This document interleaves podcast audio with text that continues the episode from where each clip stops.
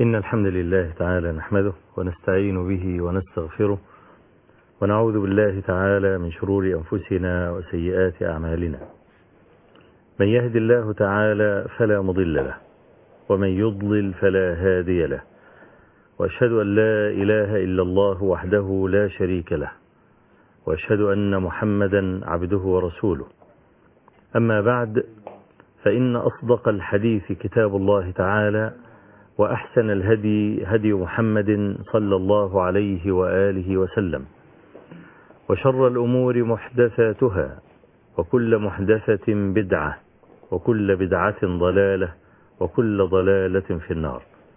اللهم صل على محمد وعلى آل محمد كما صليت على إبراهيم وعلى آل إبراهيم في العالمين إنك حميد مجيد.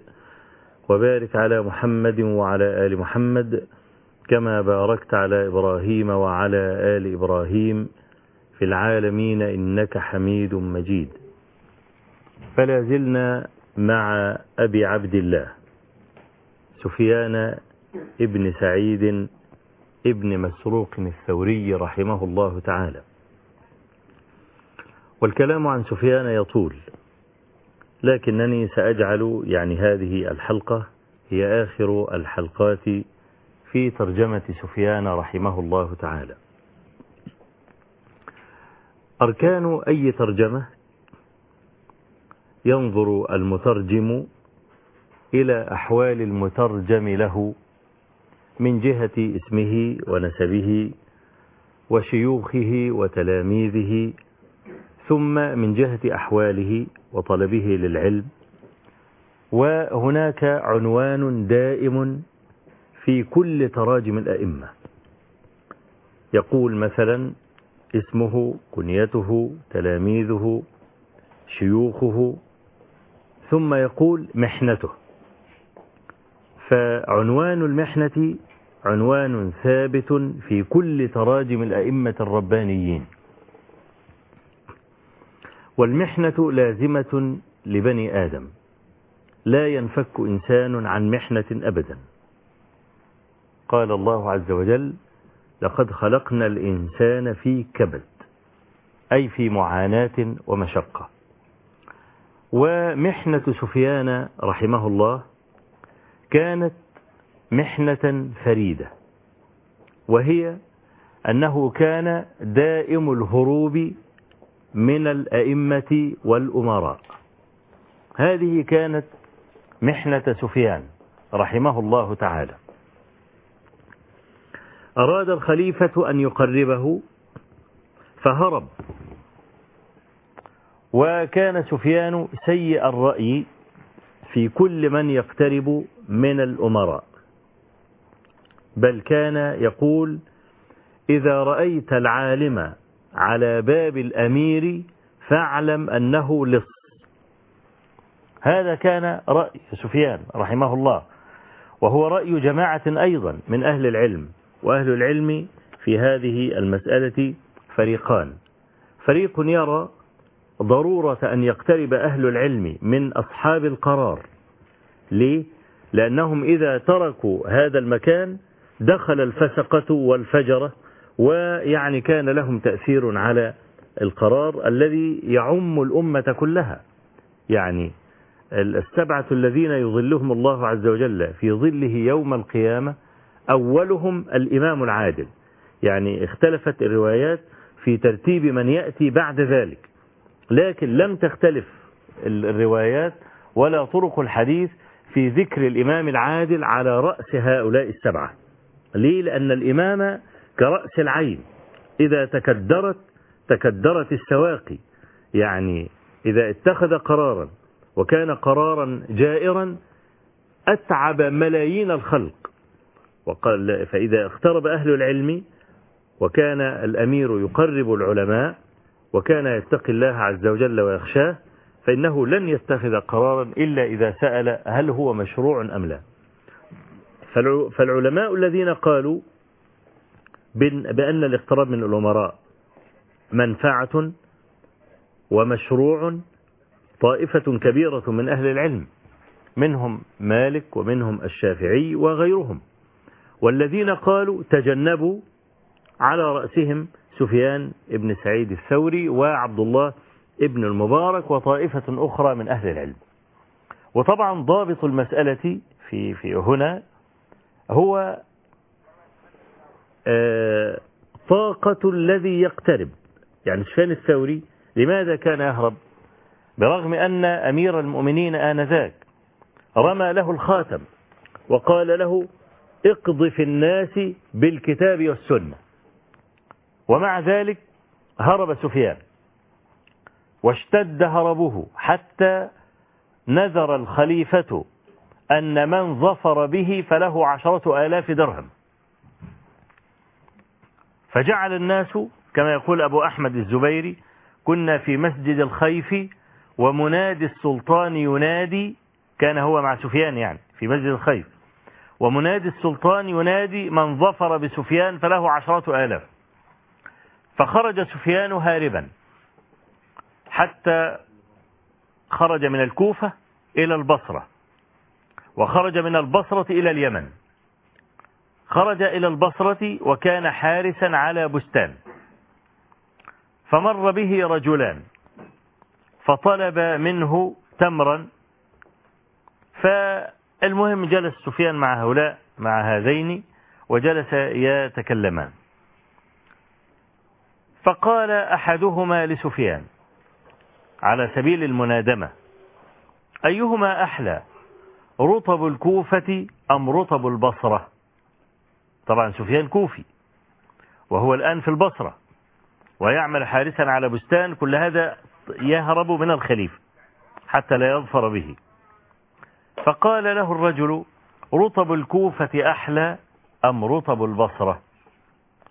فقال أما رطب البصرة فما ذقتها وهو طبعا حارس على بستان في البصرة. فقال هذا الرجل لصاحبه ما أكذبه؟ إن الكلاب يأكلون الرطب في البصرة يعني لكثرة الرطب فكيف لم يذقها فقال الرجل لصاحبه أحلف لك هذا سفيان الثوري. يعني أنما عرفه من ورعه. قال هذا سفيان الثوري هلم بنا إلى الخليفة لنظفر بالعشرة آلاف. سمع سفيان هذا فترك البستان واشتد هاربا ولا يزال هاربا حتى وصل إلى اليمن.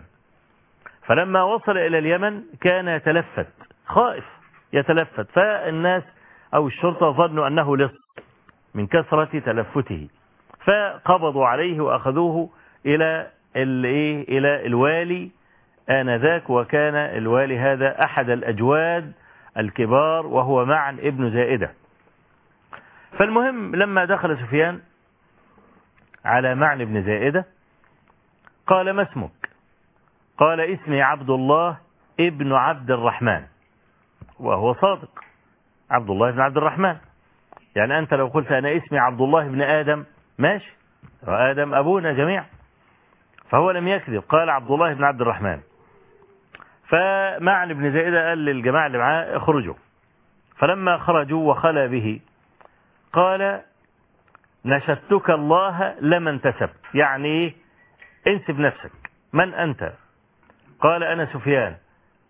قال أنت ابن سعيد ابن مسروق الثوري؟ قال نعم.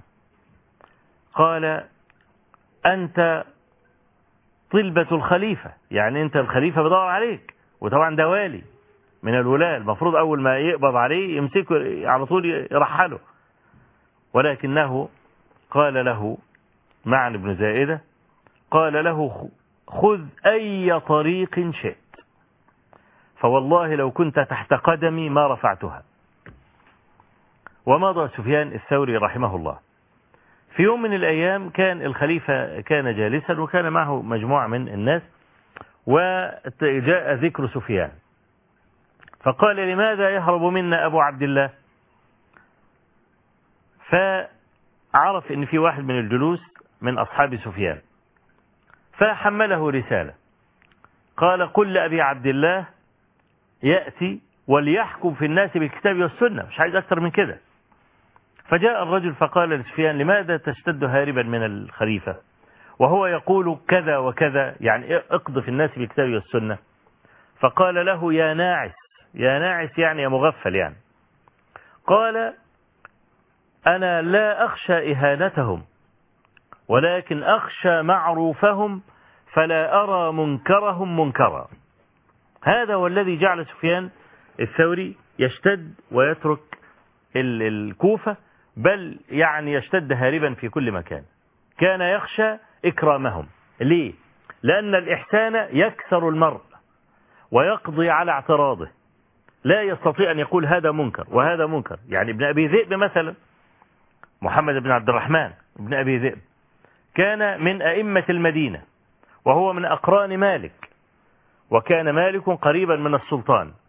بخلاف ابن أبي ذئب ما كان قريبا.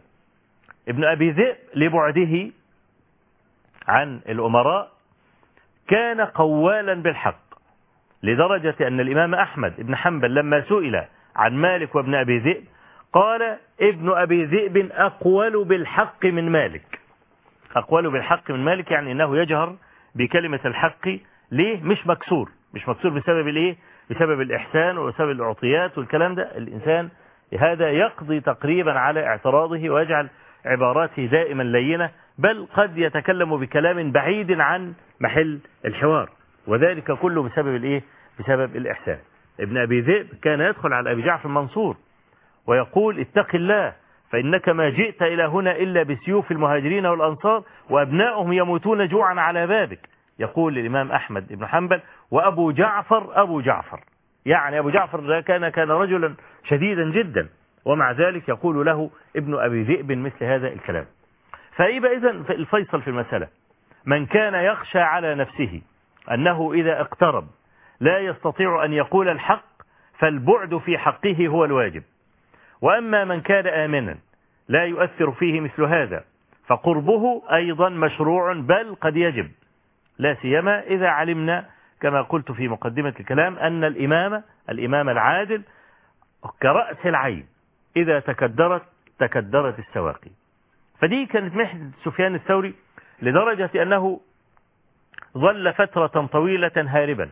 وكلمه الأوزاعي في مثل هذا وقال له إنك يعني تضاهي أهل البدع بمثل هذا. حتى لينه يعني الأوزاعي ظل يحاور سفيان الثوري حتى لين رأي سفيان في المسألة. وفي أواخر يعني حياة سفيان لقي الأمير. لقي الأمير ولم يلبس سفيان رحمة الله عليه بعد ذلك قليلا حتى مات. والله تبارك وتعالى أسأل أن يجعل ما قلته لكم وما سمعتموه مني زادا إلى حسن المصير إليه وعتادا إلى يمن القدوم عليه.